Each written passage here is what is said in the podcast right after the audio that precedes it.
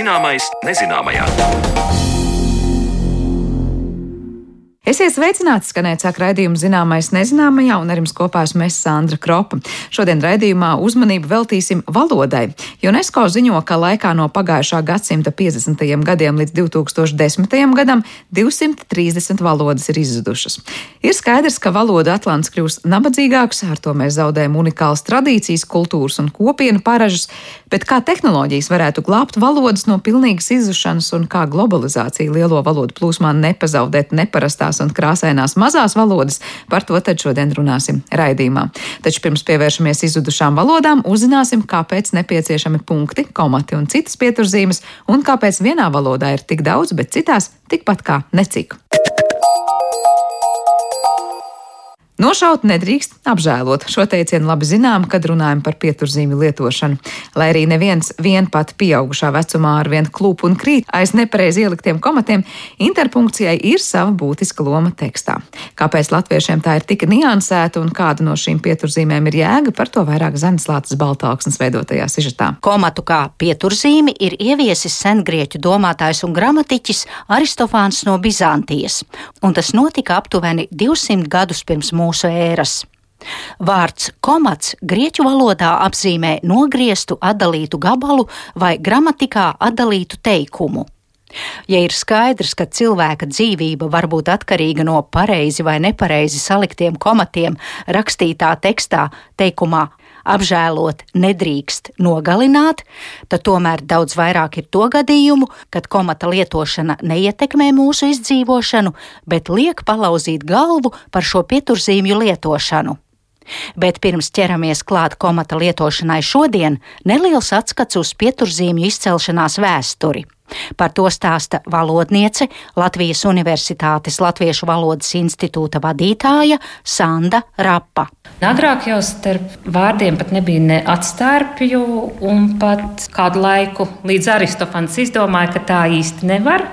Aristofanu īstenībā uzskata par interpunkcijas tēvu. Viņš arī izdomāja, ka ir jāliek tam visam punkts, un viņš patiešām pielika punktu. Bet viņam bija tādi trīs veidi punkti zemāk. Pašā apakšā tas punktiņš, kas mūsdienu izpratnē ir punkts, tas bija kā komats. Tas nozīmē, ka beidzas kāda mazāka vienība. Tad eh, rindas vidiņā bija punkts, kas apzīmē tādu ilgāku pauzi, un eh, burta augšējā maliņā tas nozīmē, ka beidzas teikums vai beidzas tāda lielāka rindkopa, lielāka doma. Bet komats atnāca tikai ar kristietību jau mūsu ērā. To uzskatu, tur domas dalās, bet uzskatu, ka vai nu skotu vai īru mūki vai vēl kādi citi mūki.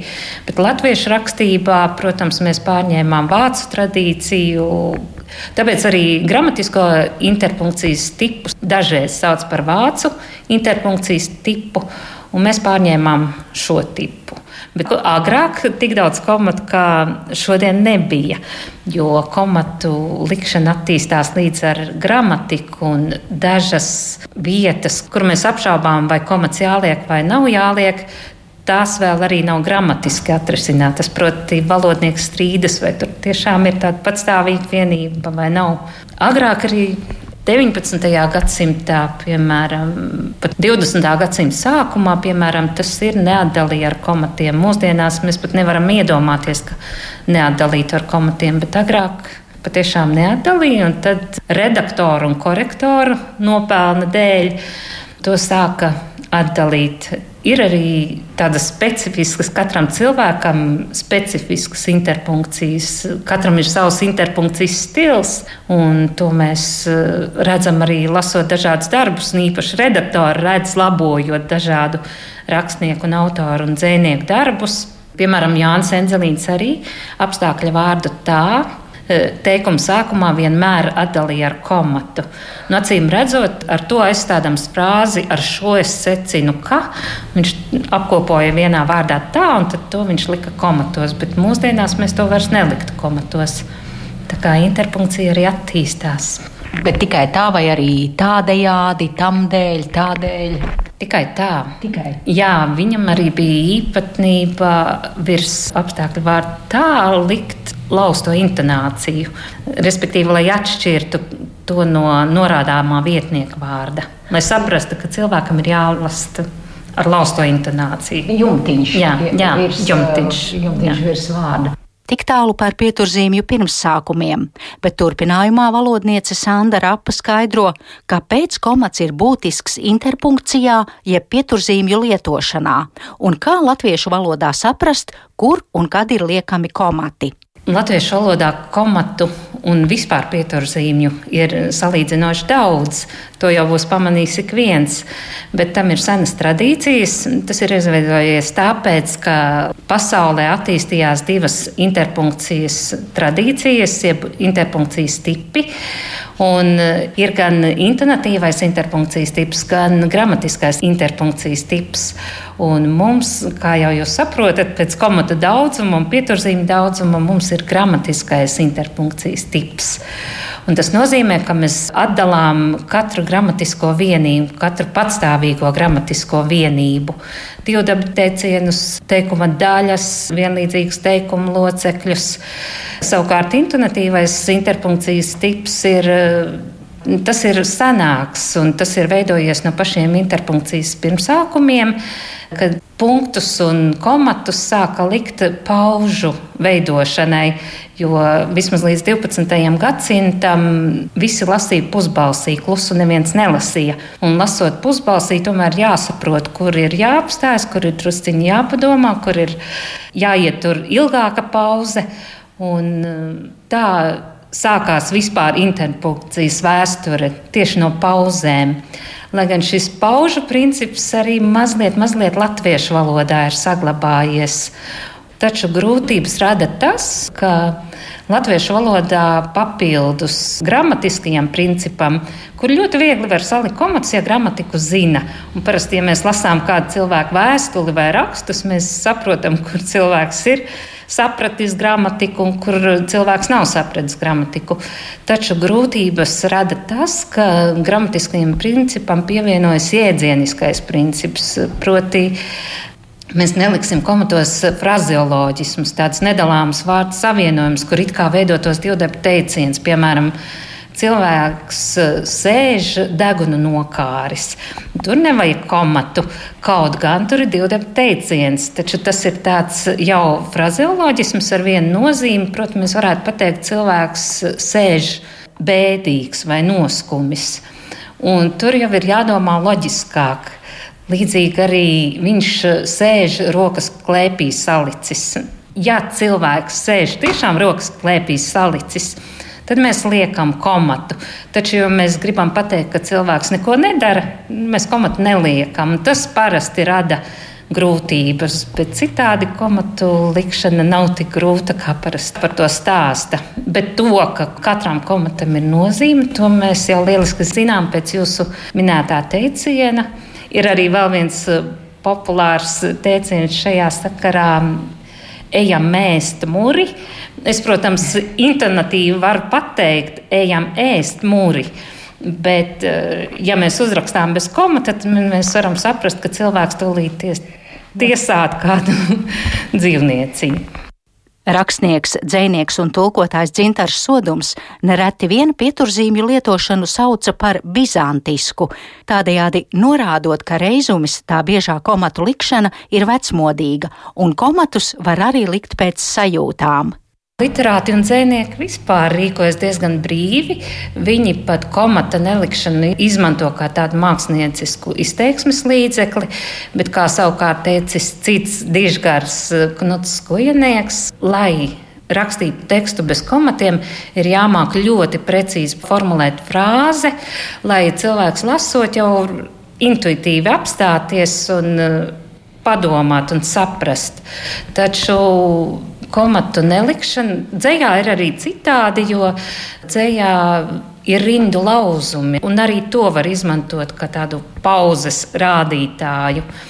Agrāk arī senajos tekstos arī rindu lauzumus un paragrāfu zīmes arī izmantoja kā pieturzīmes, lai cilvēks saprastu, kur viņam ir jāapstājas un jāpadomā. Bet komatu nelikšana ļoti apgrūtina lasīšanu. Mums šķiet, ka tie nav vajadzīgi, un mēs tekstu arī saprotam, taču neirolingvisti ir izpētījuši ar īpašiem smalkiem aparātiem, acu kustības, kas notiek, kad lasa tādu tekstu, kurā nav salikti komati. Mēs paši to nejūtam, bet acis vairākas reizes pārlasa vienu un to pašu. Tas nozīmē, ka mēs patērējam lielākas pūles un ilgāku laiku, lai tekstu saprastu. Varbūt daudziem radīsies jautājums, labi, mēs saprotam, ka komats ir jāliek pirms salikta pakārtot, pirms salikta sakārtot teikumu, lai atalītu vienlīdzīgus teikumu locekļus, bet kāpēc tie divdabi teicieni tie ir jāietver komatos? Jā, tie ir tie atsevišķie segmentiņi. Mēs valodnieku saucam par sintagmām, tādas mazākas daļiņas par teikumu. Tās ir vienmēr jādala ar komatiem vai arī ar domu zīmēm, ja ilgāka pauze. Domu zīme vispār ļoti interesanta pieturzīme. Jo ar to var reizēm aizstāt komatu, kā redaktors saka, ja īsti nezinu, vai komats jāliek vai ne, bet tomēr doma apstājas, tad ieliec domu zīmi un viss būs kārtībā. Bet to nevar pieņemt par normu. Jā, bet ar domzīmi arī ir vislielākās jukas, jo dažreiz eh, domzīmes vietā liek defisi vai domzīme šur tur uzskata, ka domzīmē ir jābūt garākai vai īsākai, un arī domzīmē ir ļoti būtiskas atstarpītas apus domzīmei, jo ja nav atstarpes pirms vai pēc, tas nozīmē, ka domzīmē ir nozīme no līdz, piemēram, Daugaupils Rīgas vilciens. Tas nozīmē, ka vilciens iet no Daugaupils līdz Rīgai, nevis eh, tāds vilciens, kas pieder Daugaupilī un Rīgai. Es iejūdzu raibu zaķi rakstītās kamanās, gaismai austot Rīgā braucu, saulē lecot Vādzemē. Rakstītā tekstā šajā latviešu dainā aiz vārda austot un lecot neredzam komatu, kaut gramatika paģērētu divdabju teicienu sadalīt ar komatiem. Bet, kā teica Sanda Rapa, tad Krišjānis Barons tautas dziesmas pierakstot komatus šādos gadījumos nav licis, jo uzskatīs, ka šāda pieturzīme lietošana apstādina dainu ritmu. Ja mums šķiet, ka latviešu valoda ir pārbagāta ar komatiem, tad mierinot varu teikt, ka arī citās valodās to netrūkst. Arī japāņu un ķīniešu valodās hieroglīfu sadala ar komatiem, un arī angļu valodā, kur pirmajā mirklī šķiet rakstos nefigurē tik daudz pieturzīmju kā mums, arī tur ir jāzina gramatikas principi. Taču ar angļu valodu nav nemaz tik vienkārši, kā varētu šķist, jo, lai gan viņiem ir intonatīvais princips, tur tomēr ir jābūt ļoti dziļām zināšanām par interpunkciju. Tur nevar likt komatu, kur pagadās. Viņiem ir savi principi, un ja jūs nepazīstat angļu kultūru, angļu vēsturi, angļu valodas attīstību, jūs nemaz tik viegli komatus nevarat ielikt. Tāpēc latviešu valodā gramatiskais princips ir pat vieglāks nekā angļiem, teica Sanda Rapa. Paldies Zanē Lācē Baltalksnē par sarunu ar valodnieci Sandu Rapu par pieturzīmi nozīmi valodā, bet pēc mūzikas pievērsīsimies valodām, kurās gandrīz neviens vairs nerunā.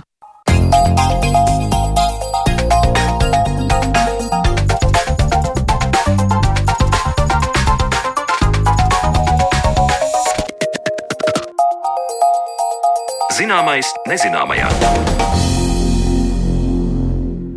UNESCO ziņo, ka laikā no pagājušā gadsimta 50. gadiem līdz pat 2010. gadam Esam zaudējuši 230 valodas, kas nu jau ir izzudušas.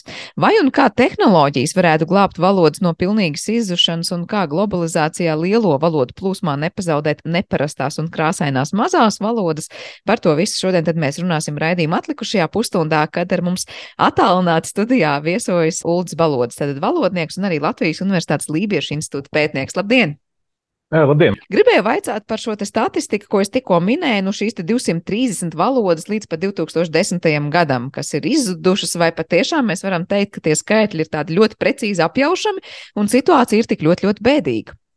Nu, situācija noteikti ir ļoti bēdīga. Kā saka, tieši precīzais skaits tur domas noteikti dalās, jo, teiksim, paš, pašlaik jau kopš apmēram kāda 2000. gada gājas runa ka līdz 2100. gadam varētu izzust pat puse vai varbūt pat 90% no visām pasaules 6000 valodām.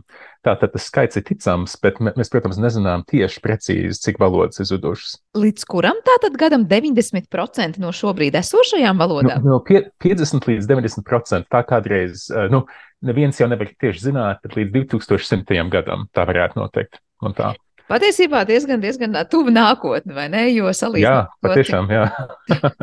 Eh, pirms mēs sākam runāt, kuras tad ir tās apdraudētākās eh, un ko tad īsti darīt, kā to iespējams vispār aprēķināt, apjaust, vai mums vispār ir tāda ļoti precīza izpratne par to, cik tad valodu ir pasaulē un kuras mēs pieskaitam, nepieskaitam pie atsevišķām valodām, jo varbūt ir tikai atsevišķi kādi dialekti vai kā citādi valodas paveidi. Kā tikt galā ar to klasifikāciju? Nu, tas vienmēr ir ļoti sarežģīts jautājums. Jo, teiksim, arī mums, latviešiem, kādreiz iet runa par to, vai, vai tas, ko latvieši runā, ir valoda vai dialekts un tā. Un tāda, kā saka, tādas grūtības to definēt ļoti precīzi arī citur pasaulē. Bet, protams, arī ir pavisam skaidrs, ka ir lielas starpības starp uh, valodām nu, visās pasaules daļās. Tātad, uh, nu, Parasti iet runa, varētu teikt, starp 5000 un varbūt pat 8000 valodām pasaulē. Tātad 6000 ir tāds apmēram pareizs skaitlis, kā varētu teikt, man cik varētu pasaulē būt valoda. Un, um, bet, teiksim, tieši runājot par šo jautājumu, kāpēc šīs valodas ir apdraudētas un kur viņas ir visvairāk apdraudētas, nu, kā saka, uh, daudzās vietās tā grūtība tāda, ka principā uh, lielās valodas dominē arī viss, kā saka, nu, plašsaziņas līdzekļus un tādas lietas. Un, un vienkārši mazās valodas viņam ir grūti konkurēt šajā kontekstā. Un tad arī, teiksim, jaunieši bieži vien sāk lietot, teikt, nu, es varētu teikt, es uzaugu ASV. Tātad, protams, manā, kā saka, latviešu sabiedrībā bieži vien arī bija grūtība, kā latviešu valodai konkurēt ar angļu valodu, jo vienkārši viss televīzija un tā tālāk vienmēr bija tikai angliski. Un tā tad uh, uh, mazām valodām un to runātājiem ir vienmēr mazliet vairāk jāpiestrādā, lai varētu, kā saka, savu valodu ikdienā arī lietot. Bet liekas, katram laikam ir bijušas tās savas starptautiskās valodas. Šobrīd tā ir angļu, citā gadsimtā tā ir vismaz Eiropā bijusi franču. Vai mēs varam teikt, ka jo tālāk mēs, mēs dzīvojam šajā civilizētajā pasaulē, jo izteiktāka problēma būs šīm valodām nu, saglabāties. Vai tas ir bijusi vienmēr visos laikos tāda problēma, vai tā pāt, nu, tā, tas temps, kādā izzūtās valodas pātrinās tieši tagad?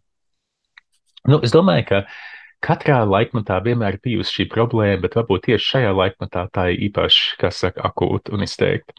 Man, man vienmēr interesē visvairāk uh, mazās valodas, tātad, nu, uzaugot Arizonā, ar Amerikas Savienoto Valstu, tā kā dienvidrietumos.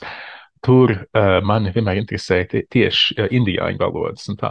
un arī uh, Latvijā, ja ir runa par lībiešu valodu vai arī atkal par latgaliešiem un tā, uh, cilvēki, kas dzīvoja kaut kur laukos vai, vai citur, tādā, nu, varētu teikt, pa, paši savā kopienā, kur nebija ikdienā daudz jāsaskarās ar cilvēkiem no ārpuses, tad vienmēr tajā kontekstā bija vieglāk lietot arī pašam savu valodu. Uh, Jo tad, teiksim, nebija tik svarīgi, vai viss prot arī kādu lielāku valodu, kā nu, Latvijā, latviešu, vai arī, varētu teikt, pat angļu vai citos laikmatos, krievu, vācu un tā tālāk. Un, kā saka, tādā, tādos apstākļos, piemēram, cilvēks varēja nodzīvot visu savu mūžu, runājot tikai kādu izteiktu indiāņu valodu. Un mūsdienās tie apstākļi mazliet izmainījušies, ka cilvēks bieži vien nevar tādā veidā nodzīvot visu savu mūžu.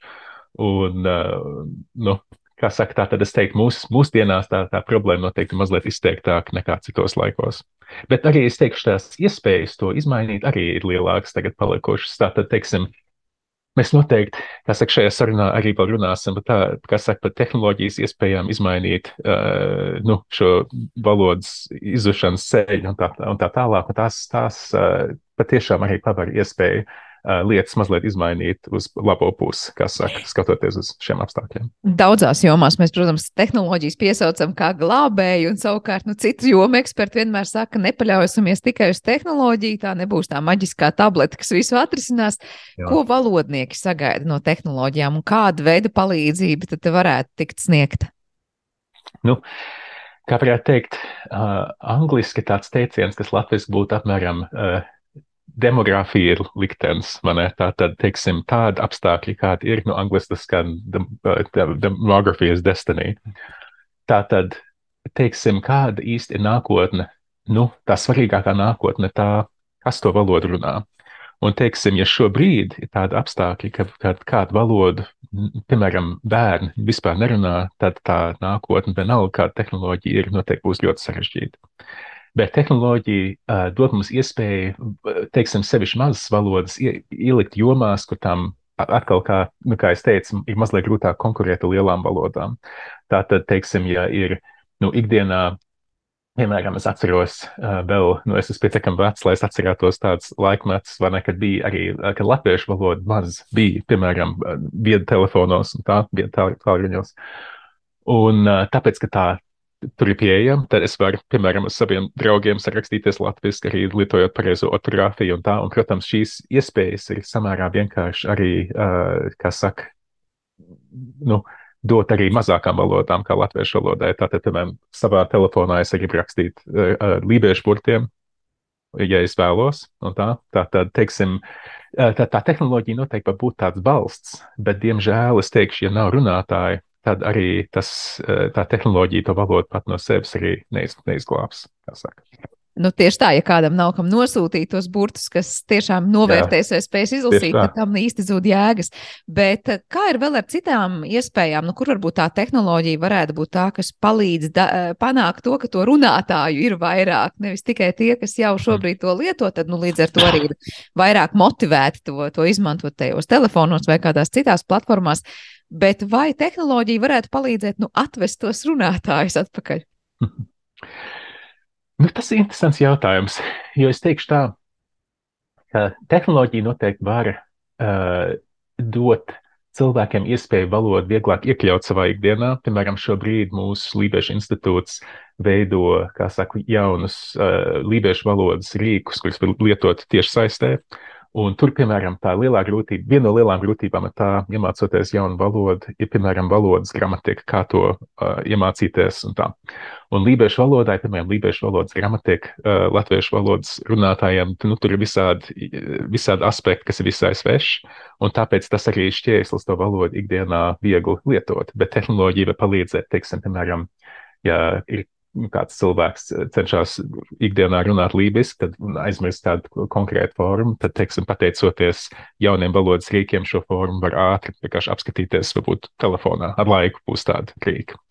Bet, um, teiksim, arī, kas zinātu būt nākotnē, arī mākslīgais intelekts un tā tālāk, ka tā palīdzība varētu veidot uh, nu, platformas, kur uh, nu, kā saka, varētu uh, iekļaut arī šīs mazāk runātās valodas, tā lai cilvēki varētu vingrināties. Nu, tā, un tas, teiksim, zināmā mērā jau tādas, uh, nu, tāda tehnoloģija jau redzama, teiksim, valodas, uh, nu, kā saka, varētu teikt, lietotnēs, ne, kas ir valodas apgūšanas lietotnēs, telefonos un tā, kur jau izmanto mākslīgo intelektu zināmā mērā, bet es domāju, tās iespējas nākotnē noteikti būs lielākas, un tas ir īpaši svarīgi tieši valodām, kur nav daudz runātāju, jo, ja nav runātāji, tad nevar, teiksim, vingrināties, un varbūt nākotnē būs iespējams, pateicoties mākslīgajam intelektam, izveidot nu, iespējas mazliet arī vairāk vingrināties, runājot šādas valodas.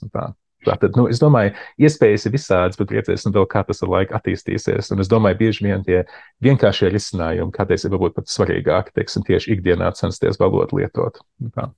Jā, par tiem tehnoloģiskiem risinājumiem mēs bieži dzirdam to otru pusi, kur saka, jo valoda ir lielāka, jo lielāks runātāju skaits un lietotāju skaits, tad arī nu, tehnoloģiski labāk izpildīt tā valoda arī tajā brīdī, mēs skatāmies tur automātiskā to tulkošanu vai, vai vārnīcu vai, vai pareizākas teikuma konstrukcijas, ko uzrakstīs mākslīgais intelekts. Proti, ja valoda mazāka, ir pamats domāt, ka tad arī nu, tās teikuma konstrukcijas tur būs tādas netik kvalitatīvas. Jā, nu es domāju, teiksim, mākslīgais intelekts un arī visas šādas, nu, kā saka, šādas tehnoloģijas, tomēr viņas jau kā saka, to, to valodu nevar uzburt no, no nekā. Tātad, teiksim, tieši, ja iet runa par valodām, kur nav daudz runātāju, tad arī kaut kur no, no kaut kurienes ir jāņem tos labos piemērus, kā pareizi runāt tajā valodā. Un tā tad, teiksim, protams, ja ir valoda, kur ir daudz šādas vielas, tā ir arī, uh, nu, iet runa par angļu valodu. Nu, angļu valodā uh, Uh, internetā ir pieejama neticam, nu, neticam milzīgi, mil, milzīgs apjoms uh, valodas piemēru, no kur var veidot arī šādas tehnoloģijas. Bet, teiksim, vienai mazākai valodai tas ir daudz grūtāk, un tur arī valodniekiem ir jāpiestrādā un citiem, kā saka, ekspertiem kaut ko tādu veidojot. Un tur, zināmā mērā, arī, protams, palīdz, ja ir uh, valodas dokumentācija, bet, protams, tā bieži vien arī nav tieši tas, kas visvairāk noderēs. Tātad, teiksim, ir laikmeti bijuši, ka valodnieki ir dokumentējuši būt vairāk viena tipa informāciju nekā citu no valodas runātājiem. Kādreiz, teiksim, arī uh, bija bijuši tādi posmi, kad tieši ir dokumentēta vairāk tā kā tāda, nu, uh, ļoti uh, konkrēti teikumi, nevis dzīvā runa un tā. Un, teiksim, tā tad vienkārši tas ceļš uz tādas kvalitatīvas, uh, kvalitatīvu rīku izveidas mazām valodām noteikti vienmēr būs sarežģītāks nekā tādām, kur pastāv, nu, uh, ikdienas apritē daudz vairāk ielas, kā saka. Vai lībiešu valodas kontekstā mēs arī varam runāt, ka tiek kaut kādā veidā īpaši veidot šāds rīks, lai varētu tomēr, nu, gan to apgūt, gan, kā es nezinu, mēģināt, mēģināt tajā runāt vairāk? Jā, noteikti. Kā saka, pašlaik tā, tā, tas ir viens no mūsu institūta mērķiem, tieši šāds rīks izveidot. Un, un arī mums uh, internetā tas pašlaik ir pieejams galvenokārt tikai ekspertiem, bet mums ir kā valodniekiem un līdzīgiem pētniekiem. Bet mums ir visai apjomīgs valod, uh, lībiešu valodas korpus, kurā ir iekļauti teksti no visādiem, uh, nu, nu, no 20. gadsimta galvenokārt kad tā valoda tika vis, visaktīvāk dokumentēta, un tad arī vēl bija visvairāk runātāji, no kuriem šo valodu dokumentēt. Tā, Cik tad, šobrīd jā. ir to runātāju lībiešu valodā aptuveni? Nu, tas vienmēr ir grūti atbildāms jautājums.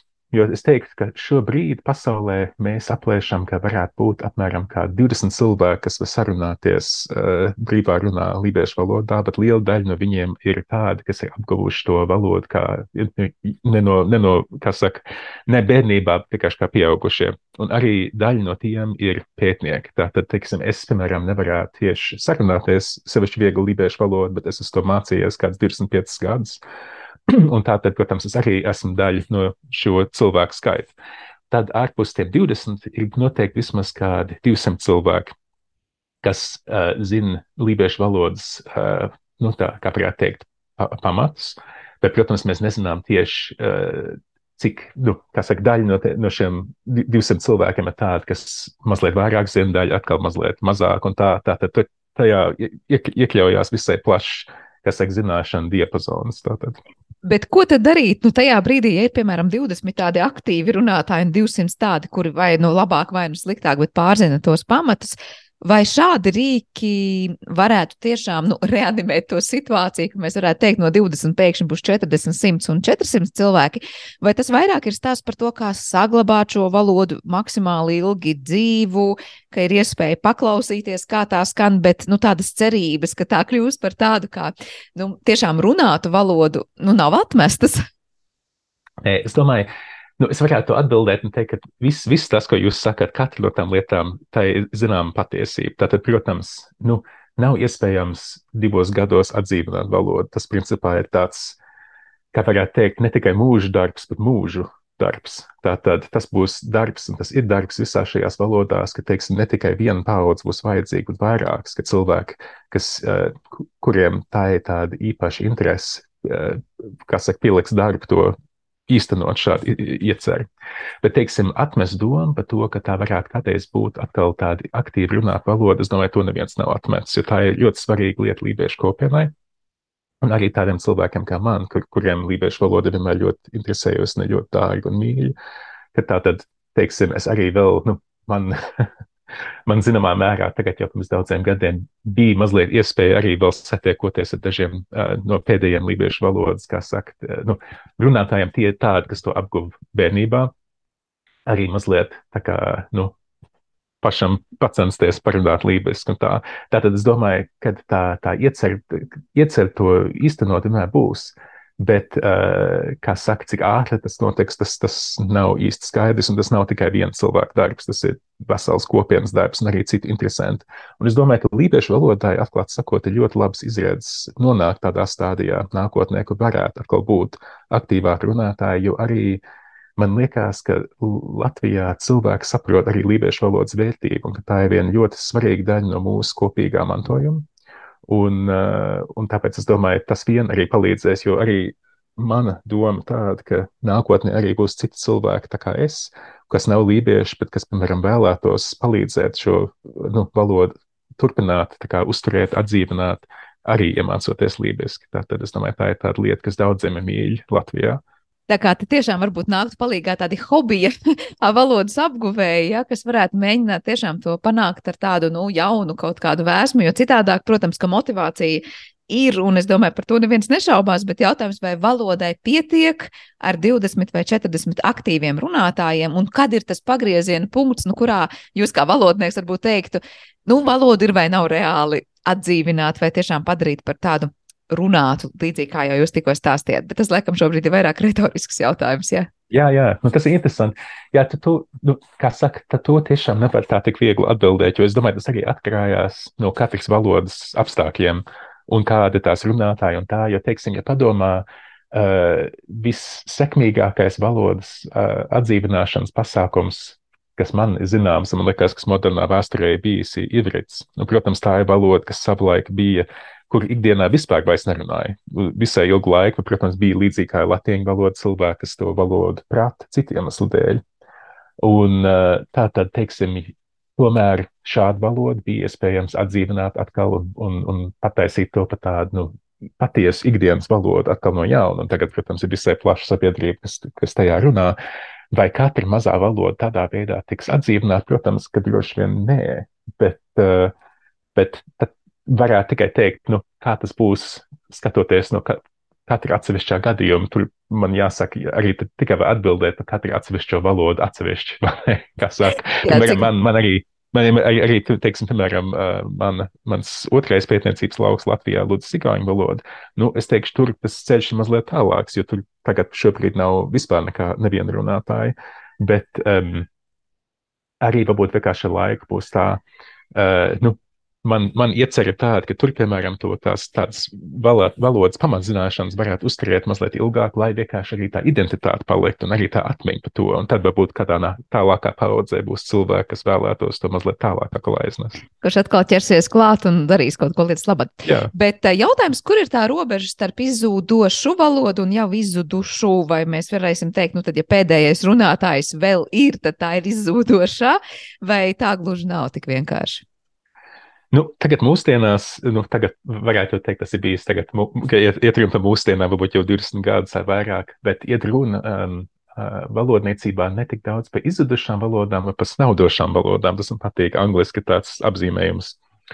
Un, nu, varbūt kādreiz likās, ka valodnieki, arī es šobrīd daudz cenšos, piemēram, neteikt kaut ko tādu kā izmirusi valoda un tā, bet iemesls ir tas, ka pat tad, kad valoda vairs ikdienā nerunā sevišķi aktīvi, tad bieži vien ir vēl kopiena, kas, kurai tā valoda ļoti nozīmīga un kas atcerās kaut ko par šo valodu. Tad, piemēram, man ir viens labs draugs, kurus arī valodnieks, kurus kopā studēju, um, kas saka doktorādu. Un viņš, tāpat kā es, ir pētījis vienu uh, Ziemeļkalifornijas indiāņu valodu. Un šai valodai, ko viņš pēta, kas saucās Dienvidu palmu valoda, tā arī ir seši uh, tuvu radinieki. Bet viena no šīm valodām, kas ir visām šīm valodām, ir ļoti līdzīga nosaukuma, tā saucās Ziemeļaustrumu palmu valoda. Visi domāja, ka šī valoda simtprocentīgi izzudus. Un viņš pats aizbrauca uz to apvidu, kur to valodu sanāk runāja, un nejauši satika uh, dažus uh, šīs tautas pēctečus, kas, kas, protams, to valodu aktīvi runāja, bet viņiem ģimenē vārdi, atsevišķi vārdi no šīs valodas bija vēl izdzīvojuši līdz mūsdienām. Tātad, kur tā valoda, kur tas izzušanas punkts? Tas, kad neviens vairs nekā neatcerās, vai tad, kad, teiksim, pienāk tāds brīdis, kad uh, nav vairs runātāji, nu, atkal varētu teikt, domas dalās. Bet es domāju, ka, ka tā tas nav tik viegli atbildāms jautājums. Un es domāju, ka galvenokārt, vai kur ir tā robeža starp izzudušu un izzūdošu valodu? Nu, es domāju, ka izzudus valoda varbūt ir tāda, uh, ka, ka tiešām nav pilnīgi nekas palicis, nav, nav ne kopienas, nav ne atmiņa, nekā. Bet izzūdošas valodas, tur ir daudz, kā saka, tādas tā, pakāpes tajā izzušanā. Un, uh, un noteikti tas vien, kad valoda ikdienā vairs nerunā, tas arī ne, nenozīmē, ka tā valoda izmirus, jo bieži vien pašā kopienā vēl ir dzīves atmiņas par to valodu, un arī cilvēki, kas atcerās, piemēram, uh, kā šajā valodā nu, viņi tuvinieki runāja, un viņiem varbūt arī ir, kā, kā varētu teikt, tāda pasīva saprašana. Tā ir, teiksim, atkal, es runāju par lūdzu cigāņu valodu, es vēl satiku uh, viņa tagad nu, nomira 2014. gadā, bet šādu Ludus Sigāņu valodas pasīvo runātāju. Tātad viņa pati nevarēja sarunāties Ludus Sigāņu valodā, bet viņi saprata ļoti daudz. Un tāpēc, ka Ludus Sigāņu valoda ir visai līdzīga Dienvidigāņu valodas izloksnēm, kuras vēl mūsdienās runā uh, dien, Igaunijas dienvidos, uh, viņi varēja saprast teikumus un tādas lietas, ko Dienvidigāņu valodas runātāji viņai teica. Tātad arī nu, tur, vai tā valoda bija pilnībā izzudusi, nē, bet vai to kaut kur varēja iet un nu, kā saka, klausīties, kā cilvēki runāja Ludus Sigāņu valodā, arī nē. Tātad, nu, sarežģīti. Te gribēju vaicāt par to, vai mums ir kaut kādi tādi reģioni pasaulē, kuros mēs varētu teikt, ja mēs skatītos kartē, tad mēs teiktu, tur ir visvairāk valodu, kas izzūd vai jau ir izzudušas, vai tomēr mēs varam teikt, pilnīgi jebkurā valstī, jebkurā reģionā mēs varam teikt, ir vienādi daudz to, kas izzūd, jo mēs par daudzām pat nezinām. Jā, nē, tā, tā tas tiešām ir. Nu, kas saka, otrais variants, es teiktu, ka tā ir pasaules problēma. Un tā ir tie apstākļi, kas visur ir visai līdzīgi. Vienkārši varētu teikt tā, ka ir uh, vietas, kur vienkārši uh, vairāk valodas ir runāts, un tāpēc arī vairāk izzudošas valodas tajā, tajās vietās. Tad, piemēram, arī iet runa par Kaliforniju, kur es arī dzīvoju daudzus gadus. Tur uh, 20. gadsimta sākumā vēl runāja ļoti daudz, uh, kā saka, vietējo iedzīvotāju valodas. Tātad tur bija, piemēram, nu, es teiktu, vismaz kādas 80, kuras runāja, bet mūsdienās ir tikai ļoti maz palikušas, tāpēc, ka vienkārši nu, eh, daudzas no šīm valodām nekad, tām, nekad nebija īpaši daudz runātāju. Un uh, tad nu, 20. gadsimtā arī vien vairāk cilvēku pārgāja uz angļu valodu. Bet vai tieši Kalifornija būtu bijis tāds īpašs reģions, kur tas būtu vairāk noticis nekā citās vietās? Es teiktu, nē, vienkārši tur bija vairāk šādu valodu, un tāpēc tas vairāk tā bija.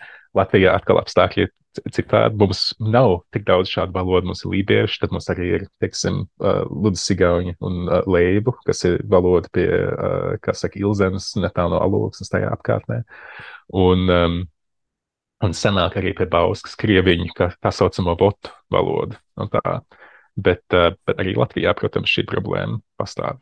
Kā turpina dzīvot dažādas, es domāju par dažādiem reģioniem un dažādiem laikiem, ja mēs runājam izudušās valodas, jo, nu, prātā nāk, piemēram, latīņu valoda, kas varētu teikt, nu, dzīvo joprojām dažādos vai teicienos vai vārdos, ko mēs pat dažkārt nezinām, ka lietojam, vai, protams, pārējot uz citu valodu, kur ir šo vārdu izcelsme, vai, nu, tikai lielajām izzudušajām valodām ir teikt, tāds liktenis, ka tās turpina to savu dzīvi citādā formā.